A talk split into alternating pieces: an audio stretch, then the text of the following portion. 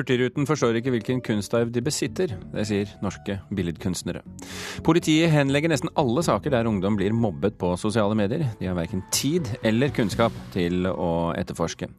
Og som du hørte på Dagsnytt, det femte Beatles-medlemmet sir George Martin er død. Revolusjonerte musikkindustrien på 60-tallet. Og så får vi besøk av Svein Olav Hoff, som går av som leder for Lillehammer kunstmuseum etter 22 år. Men vi begynner altså med Hurtigruten, for de får kritikk for ikke å ha kontaktet kunstnere om hva som skjer med kunsten deres etter oppussing av flere skip. Det pågår nemlig en krangel nå mellom Hurtigruten og kunstner Carl Erik Harr, som har utsmykket flere av hurtigrut, hurtigruteskipene. Hurtigruten skal pusses opp, men Harr mener han eh, får sitt fineste kunstverk ødelagt.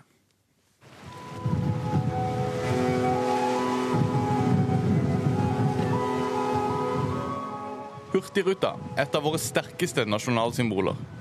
Skipet seiler gjennom noe av den flotteste naturen i hele Norges land, og har vist millioner av turister hvordan Norge egentlig ser ut. Det samme gjelder innsida av båten. Inni et av skipene, Nordkapp, henger 27 malerier av den norske kunstneren Carl Erik Harr. Men nå skal maleriene bort. Det sier Stein Lillebo i Hurtigruta. Nei, Det vi kommer til å gjøre, er at vi tar dem ned. Eh, så lagres eh, kunsten på verftet. Og så vil eh, deler av det prege også det nye Nordkapp etter oppussinga er ferdig. Og så sier de samtidig at, at de, de, de, sam, de, samarbeider med de har dialog med Harr. Det fins ingen dialog. Vi har ikke hørt noen ting, verken jeg eller min kone, om dette. Det sa Karl Erik Harr på Dagsrevyen i går. Hurtigruta bekrefter til NRK at de ikke har tatt stilling til hva som vil skje med kunsten etter at den er tatt ned. Det er for dårlig, mener organisasjonen Norske Billedkunstnere.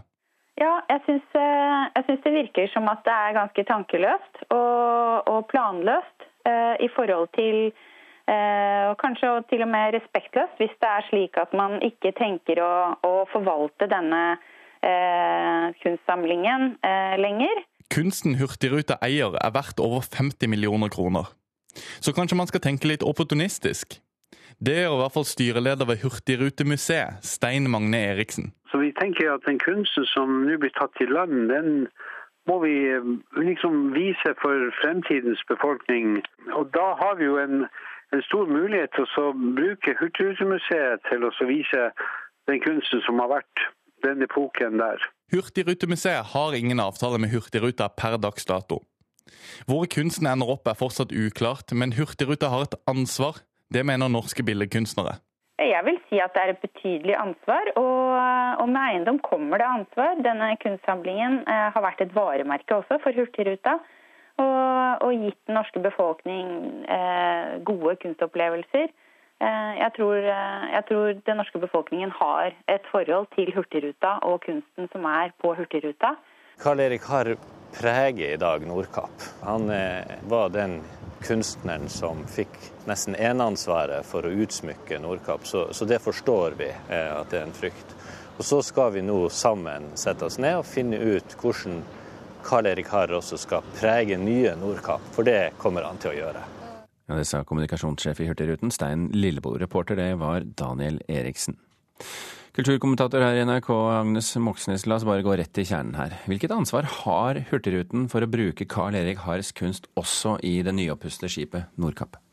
Altså Da et britisk fond i 2014 kjøpte alle de elleve hurtigruteskipene, så kjøpte de dem, for å bruke et maritimt uttrykk, med søkk og snøre. Også kunsten. Og med noen opphavsrettslige unntak, så kan de altså gjøre det de vil med egen eiendom. Men i prinsippet så er det jo både god folkeskikk og anbefalt oppførsel å ha, holde en tett dialog med en kunstner hvis hovedverk, vi snakker om 27 bilder her fra Karl Erik Harr, eh, når det delvis eller helt skal fjernes fra det det opprinnelig er tenkt som. Men, men hvilket ansvar har Hurtigruten da for kunsten til Harr generelt, altså hvis de ikke vil bruke alt? Altså, da Hurtigruten inngikk en avtale med Harr på 90-tallet, så gjorde de det fordi har, er liksom den nordnorske kunstneren. Han har brukt hele sitt liksom, kunstnerliv på å male dette landskapet og den nordnorske kulturen. Han er høyt elsket av veldig, veldig mange. Og han er en original og fin billedkunstner som har en særegen plass i norsk kultur og kunsthistorie. Så selvfølgelig så har eierne her et, et, spesielt ansvar i måten de forvalter denne kunsten på.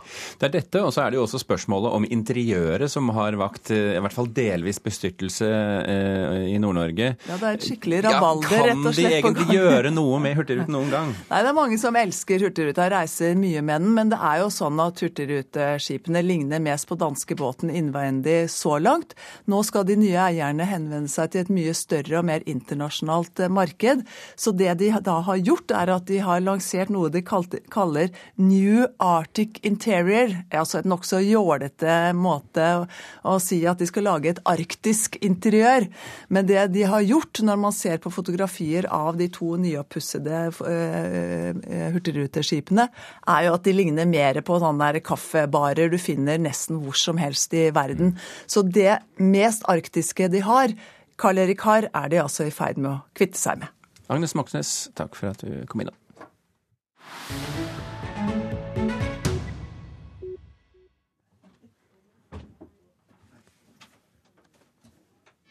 Yourself in a boat on a river. when Lane,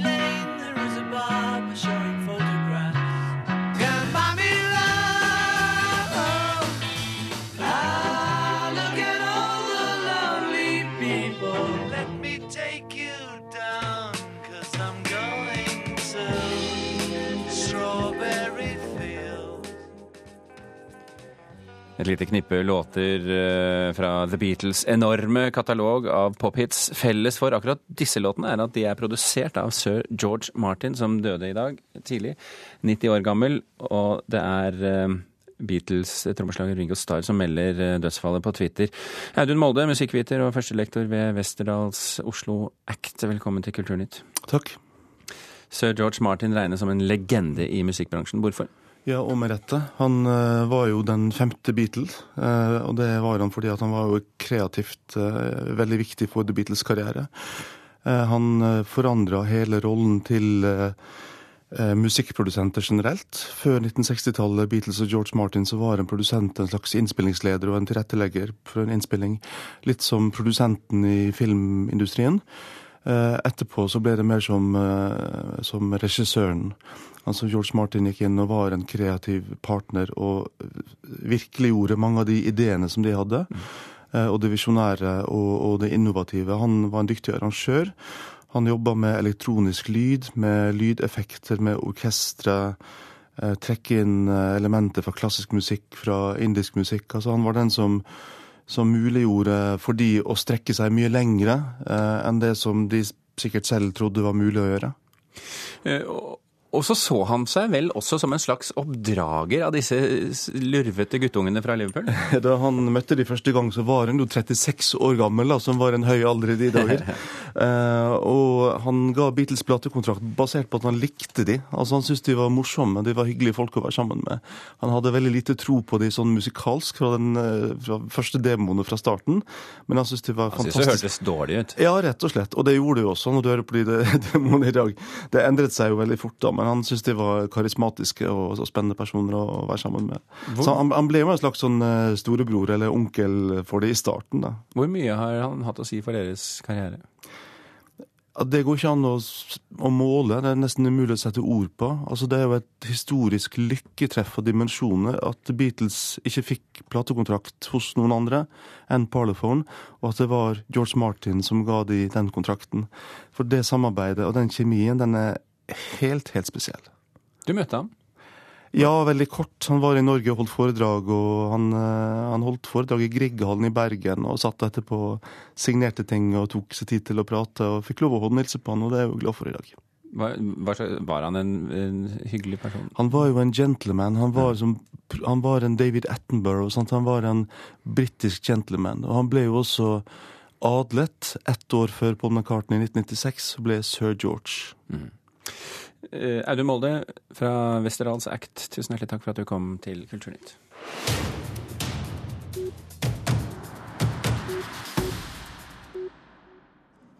Politiet henlegger nesten alle saker der ungdom blir mobbet på sosiale medier, selv om de får mange henvendelser. Politiet har verken kunnskap eller ressurser nok til å takle problemet. For en ungdom som tar mot til seg og, og går til foreldrene sine, som igjen går til politiet og anmelder dette, og så blir saken henlagt etter to dager, det, det, er ikke, det, er ikke, bra. Der har vi i politiet mye å lære, mye å jobbe med, men det er et veldig vanskelig område å, å nå frem på bevismessig med de strenge beviskravene vi har. Mobbing i sosiale medier har ifølge politiadvokat ved Trøndelag politidistrikt Theo Drettvik blitt et stort problem for politiet. Antall anmeldelser øker kraftig, og de aller fleste må henlegges fordi politiet verken har kunnskap eller ressurser til å ta mobberne. For å finne de bevisene så kreves det veldig mye en annen type etterforskning enn det som eh, er den tradisjonelle etterforskningen. Vi må etterforske på nett. Vi må eh, spørre og sende beslutninger og begjæringer til selskaper om å få ut informasjon. Selv om vi får frem det, så kan den profilen også være gjort av en annen maskin som har linka seg inn på en annen maskin igjen med en spionprogramvare som gjør at vi likevel ikke, tross masse arbeid, ikke kommer frem til den som faktisk har gjort det. De fleste anmeldelsene kommer fra ungdommer. På videregående skole i Steinkjer kjenner Andrea Langli og Jenny Feøy godt til problematikken. Som jeg vet, da, så skjer det vel mest på f.eks. Jodel og innad i grupper, da, at de snakker seg imellom om en eller flere personer. Likevel så klarer jo de personene å finne ut at de har blitt snakka om, da, fordi det går jo alltid via personer, og så får man gjester med lell. Og det økende problemet politiet erfarer, bekymrer bl.a. Redd Barna. Kaja Hegg er rådgiver i Nettvett i organisasjonen. Vi tenker at det er eh, bekymringsfullt at eh, man ikke har eh, et politi og et apparat rundt barna som gjør at man kan følge opp disse sakene. Fordi vi ser jo at um, digital mobbing og krenkelse mellom barn og unge øker. Og det er veldig viktig at vi får noen reaksjoner uh, rundt barn og unge. Hvis de ser at sakene blir henlagt og det ikke har noen konsekvenser, så sender det et veldig dårlig signal. Det er imidlertid ikke bare en politioppgave alene. Det er veldig viktig å jobbe forebyggende med foreldre og lærere og andre voksne rundt barna, så at man lærer barn og unge til å ha en positiv og ansvarlig nettkultur, og at man deltar mer i barn og unges nettunivers. Jeg tror kanskje problemet er at det er, sånn, det er så vanskelig å se det for oss andre nå. Det er veldig vanskelig for oss eh, ungdommer å gripe inn, rett og slett for at vi ikke ser det. Og så er det liksom så lett, da, spesielt på sosiale medier, å skjule seg bak anonyme navn og, og diverse. Da, og da er det jo både vanskeligere å finne personer som gjør det, og eh, personene som gjør det, klarer ikke å se hvor seriøst det de holder på med er. da, Og kanskje ikke forstår hvor mye det de skriver, sårer. da. Og ifølge politiadvokaten så er problemet like stort i hele landet. Absolutt. Det er mange saker og mange henvendelser fra slike tilfeller. Ja, det sa Theo Drettvik, og reportere var Johannes Børstad og Julie Haugen Egge. Klokken har passert kvart over åtte, du hører på Kulturnytt, og dette er toppsakene i Nyhetsmorgen nå. Menneskerettighetene kan tøyes for Breiviks soningsforhold, mener en tidligere dommer ved Menneskerettighetsdomstolen og en advokat ved Regjeringsadvokatens kontor. Norwegian og Widerøe har lagt på priser for reiser etter 1.4 for å dekke inn den kommende flypassasjeravgiften, mens SAS og Ryanair venter med prisøkningen.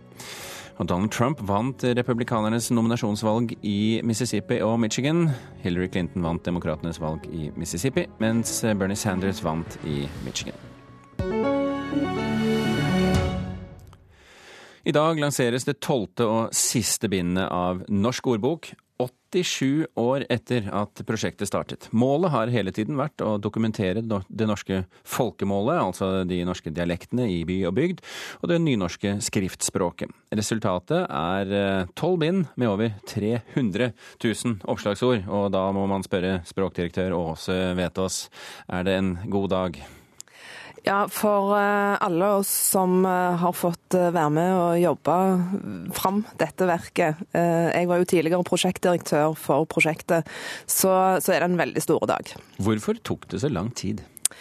I internasjonal sammenheng så eh, har ikke dette tatt eh, spesielt lang tid. Mange land har store dokumentasjonsverk over språket sitt som, eh, som det tar veldig lang tid å utarbeide. Så, så, hvis vi sammenligner oss med andre, så har vi jobba ganske raskt. Hva betyr dette for de litt over gjennomsnittlig språkinteresserte her i landet, at dette prosjektet nå er sluttført? Norsk ordbok skal være et verk som treffer alle som bruker norsk. Så det betyr at alle skal kunne finne igjen noe av sitt språk og sitt ordforråd i dette verket. Men det begynte jo da altså selve arbeidet i 1930 med 550 frivillige som begynte å samle og registrere osv. Første bind kom i 1966. Det må jo være veldig stor forskjell på det første produktet og det nå siste? Det er klart. På et tidspunkt på tidlig 2000-tall så gikk vi over til å eh, bearbeide materialet fulldigitalt. Eh, og da gjorde vi noen eh, vesentlige grep som òg har endra utseendet på produktet litt. Men, men det ligger skikkelig ordentlig filologisk arbeid i bånn hele veien. Hvordan endret utseendet da? Nei, altså artiklene har, på trykk har blitt lettere å lese, og, og kategoriene har blitt enklere å finne fram i for brukerne. Kommer dette til å være et oppslagsverk på papir, tror du, i fremtiden? Norsk ordbok finnes òg eh, digitalt eh, gratis tilgjengelig for alle som vil bruke det i, eh, i, i nettversjon. Den trykte utgaven tror jeg kommer til å bli brukt som det den er, og jeg tror at dette er et verk som kommer til å øke verdien sin år for år. Men vil du nå si at dette er ferdig? Språket er jo i utvikling? Språket er i utvikling, og vi ser jo at det har skjedd ganske store ting med ordforrådet siden 1950-tallet, eh, når det første bindet ble redigert. Så det er klart at eh, her ligger der eh, vedlikeholds-, og revisjons- og utviklingsoppgaver å, å vente. Vi, vi, som har fulgt med på dette de siste årene, vet jo at, at det ble litt stopp i arbeidet, for å si det mm, sånn. Og, og en smule uvennskap og harde ord. Nå er det ferdig. Er alle venner nå? Ja, nå eh, ser alle framover, og Universitetet i Bergen kommer til å overta både denne ordboka og grunnlagsmaterialet under, og de, eh, de, får nå kaste mot seg disse oppgavene som, eh, som, ligger på vent. Og Det vet vi at de er glade for, så vi får bare ønske dem lykke til. Eh, Åse Vetås, språkdirektør, tusen hjertelig takk for at du var med i Kulturnytt.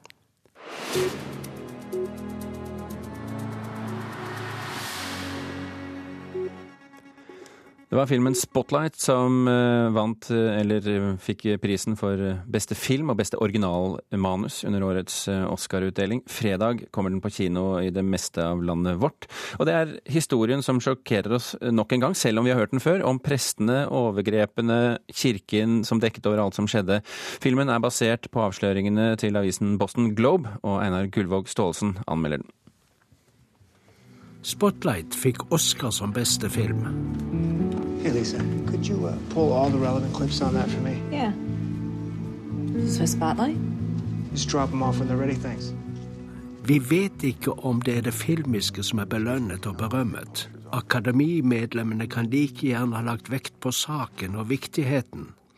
Det er et interessant trekk hvis de stemmeberettigede er blitt mer opptatt av innhold. Saken i Spotlight er den største og viktigste. Den slår sprekker i det amerikanske grunnfjellet og revner i den katolske hellighet. 87 prester avsløres for seksuelt misbruk av barn. Det er i Boston. Kirken er blottlagt, den har dekket over forbrytelsene i generasjoner. Prestene har fått sakene sine dysset ned av kirken, uten offentlig straffeforfølgelse og rettergang. Deretter er de forflyttet eller sykemeldt. Misbrukte barn og deres foreldre har fått lov til å møte en biskop. Han har snakket dem til rette ved hjelp av kontanter.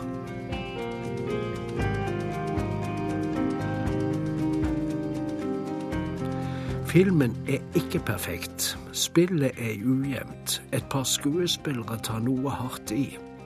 Musikken søter til uttrykket og bidrar til at Spotlight er mer bare film enn bilder av en virkelighet. Veldig aktivitet og bevegelse i mange scener avleder også. Alle de mye brukte stilelementene driver opp dramaturgien, men demper ned det ordentlige dramaet. Ikke slik at vi tviler på hva som er sant, men det spørs om det som vises, engasjerer så sterkt som det burde. Then he shows you a porno mag. And you go along. And you go along, and you go along until one day he asks you to jerk him off or give him a blowjob. And so you go along with that too because you feel trapped because he has groomed you.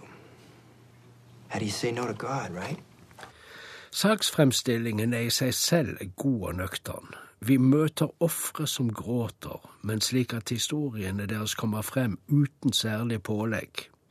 Vi slipper kryssklipping mellom saken og scener fra gudstjenester, ritualer, prosesjoner, ornater og slik pompøsitet som gjerne forsterker kontrastene. Vi følger den såkalte gravegruppen i avisen Boston Globe som får impulser fra sin nye jødiske redaktør, og legger til side alt for å få frem det alle vet, men ingen skal bry seg med. Presters bruk av barn. Filmen og aktørene i den legger vekt på at redaktøren er jødisk og ikke katolsk. Journalistene kommer til bunns i noe. Det trykkes 600 artikler. De tar seg selv i nakken også. Hvorfor har det tatt enda en generasjon før kirkemakten måtte knele? Vi gjør oss noen alvorlige tanker om fenomenet kirkemakt mot slutten av filmen. Do you still go to mass? No. I haven't been to church for some time now. But I still consider myself a Catholic. How, how does that work? Well, the church is an institution, Mike. Made of men. Hmm? It's passing. Spotlight anmeldt av Einar Gullvåg Staalesen. Svein Olav Hoff går av som direktør ved Lillehammer kunstmuseum etter 22 år i sjefsstolen. Han startet karrieren med et markant nybygg av Snøhetta, og han har sørget for såpass mye aktivitet ved museet at han avslutter med et nytt tilbygg av Snøhetta. Svein Olav Hoff, velkommen til Kulturnytt. Takk for det. Hvorfor trekker du deg tilbake nå? Du var jo så godt i gang. Alt har sin tid, står det i skriften. Og 22 år er en lang tid. Jeg tror, bortsett fra, fra private eiere, så er det ingen kulturleder som har sittet i en stilling i 22 år. Det er lenger enn livstid i fengsel. Så, så nå, uten sammenligning uten for øvrig. For øvrig. Så, så, nå har jeg tenkt at uh, uh, Jeg har i grunnen tenkt på dette i, i noen år, og at nå kan man slippe andre til. Hvorfor har du sittet så lenge? Det har bare blitt sånn. Det er ikke mange lederjobber i kunstverdenen. Og de første årene fikk jeg en del tilbud, men da var det kone og unger og hus og sånn på Lillehammer. Så da har jeg blitt på Lillehammer. For du har likt deg der? Jeg har likt meg veldig godt. Hva var museet da du begynte? Det var en Lillehammer bys malerisamling var en institusjon med to-tre ansatte. Så ble vi en stiftelse. Vi kom på knutepunktordningen 1.4.94 når jeg ble ansatt, og så har Lillehammer kunstmuseum utviklet seg til å bli et av landet og dermed Nordens ledende kunstmuseer. Ja, du vil gå såpass langt? Ja. ja. Er du et av Norges ledende, så er du et av Nordens ledende. Er det Hva er det som gjør at det er et av Nordens ledende? Da vi begynte, mitt første styre og jeg i 94, så laget vi en strategiplan. Da sa vi at vi skal bli et av landets ledende kunstmuseer. Og så hadde vi ti punkter på hva vi skulle gjøre for å bli det. Vi skulle restaurere samlingen, vi skulle gjennomfotografere samlingen, vi skulle lage spesialutstillinger som kunne vises i prinsippet over hele landet. Vi skulle kjøpe hovedverk, kan du diskutere hva er hovedverk, men vi skulle kjøpe viktige ting til samlingen. Vi skulle ikke ta spesielle lokale eller regionale hensyn. Vi skulle skrive bøker til omtrent å publisere til hver utstilling. Vi skulle satse på pedagoger, ikke på guider. Vi skulle være veldig opptatt av den oppvoksende slekt. Kulturell skolesekk kom tidlig inn. Så vi har forsøkt å være veldig ordentlige og veldig langsiktige målbevisste. Folk jeg har snakket med sier at det nesten ikke skal gå an å få ut av begrensede midler så mye som dere har klart på Lillehammer. Hva har vært suksessfaktoren? Det... Altså, suksessfaktoren har vært en langsiktig planlegging og et enormt bekjentskapsnett som jeg har, og flinke medarbeidere. Veldig flinke medarbeidere. Men hvorfor har det vært viktig å være så ambisiøs? Jeg kom på Lillehammer, til Lillehammer rett etter OL. Og jeg hadde et splitter nytt Snøhetta-bygg. Og For å bruke sånn tåpelige idrettsmetaforer, da var det viktig å legge denne lista ganske høyt. Og heller rive litt enn å legge den lavt og hoppe lett over. Så, så det har vært en ambisjon hos meg og mine styrer, og også etter hvert hos de jeg har ansatt, at dette skal bli bra, og, og dette skal være ledende høres så arrogant ut, men det skal, være, det skal være viktig da i Vi skal være en del av kunstdiskursen i Norge, og vi ligger tilfeldigvis på Lillehammer. Men hvor viktig var OL da for, for ambisjonsnivået? Det, fordi at du startet vel da rett etter, ganske rett etter, og det var jubel og begeistring? Rett etter festen. Eh, bygget var jo et signalbygg. Vi var jo i verdens første Snøhetta-bygg. De hadde vunnet en konkurranse om et bibliotek et sted som het Alexandra, men det jeg, tror jeg ikke de selv trodde de fikk bygget engang. Så, så vi var i et ambisiøst bygg. Uh, OL betød veldig mye for selvfølelsen på Lillehammer. Altså, På Lillehammer er du verdens beste, uh, men det er kanskje ethvert småbyproblem. Sånn er det i Tønsberg og i Drammen og, og i Sarpsborg, for den saks skyld. Uh, så, så og så tenkte vi da at vi ligger på Lillehammer, vi har fine lokaler. Hvorfor skal vi liksom gå mot B-laget? Vi går mot det presumptivt viktigste. Du er nå 60 eh, år, du har en eh, snart, 59, snart Nei, jeg blir 59. Du blir 59. Eh, du er snart, snart ferdig. Hva skal du gjøre? Jeg har et klokt styre som gir meg et, en spesialrådgiverstilling, og så får vi se. Uansett, lykke til, Leif Olav Hoff. Svein Olav. Unnskyld. Svein Olav Hoff. Kulturnytt er slutt.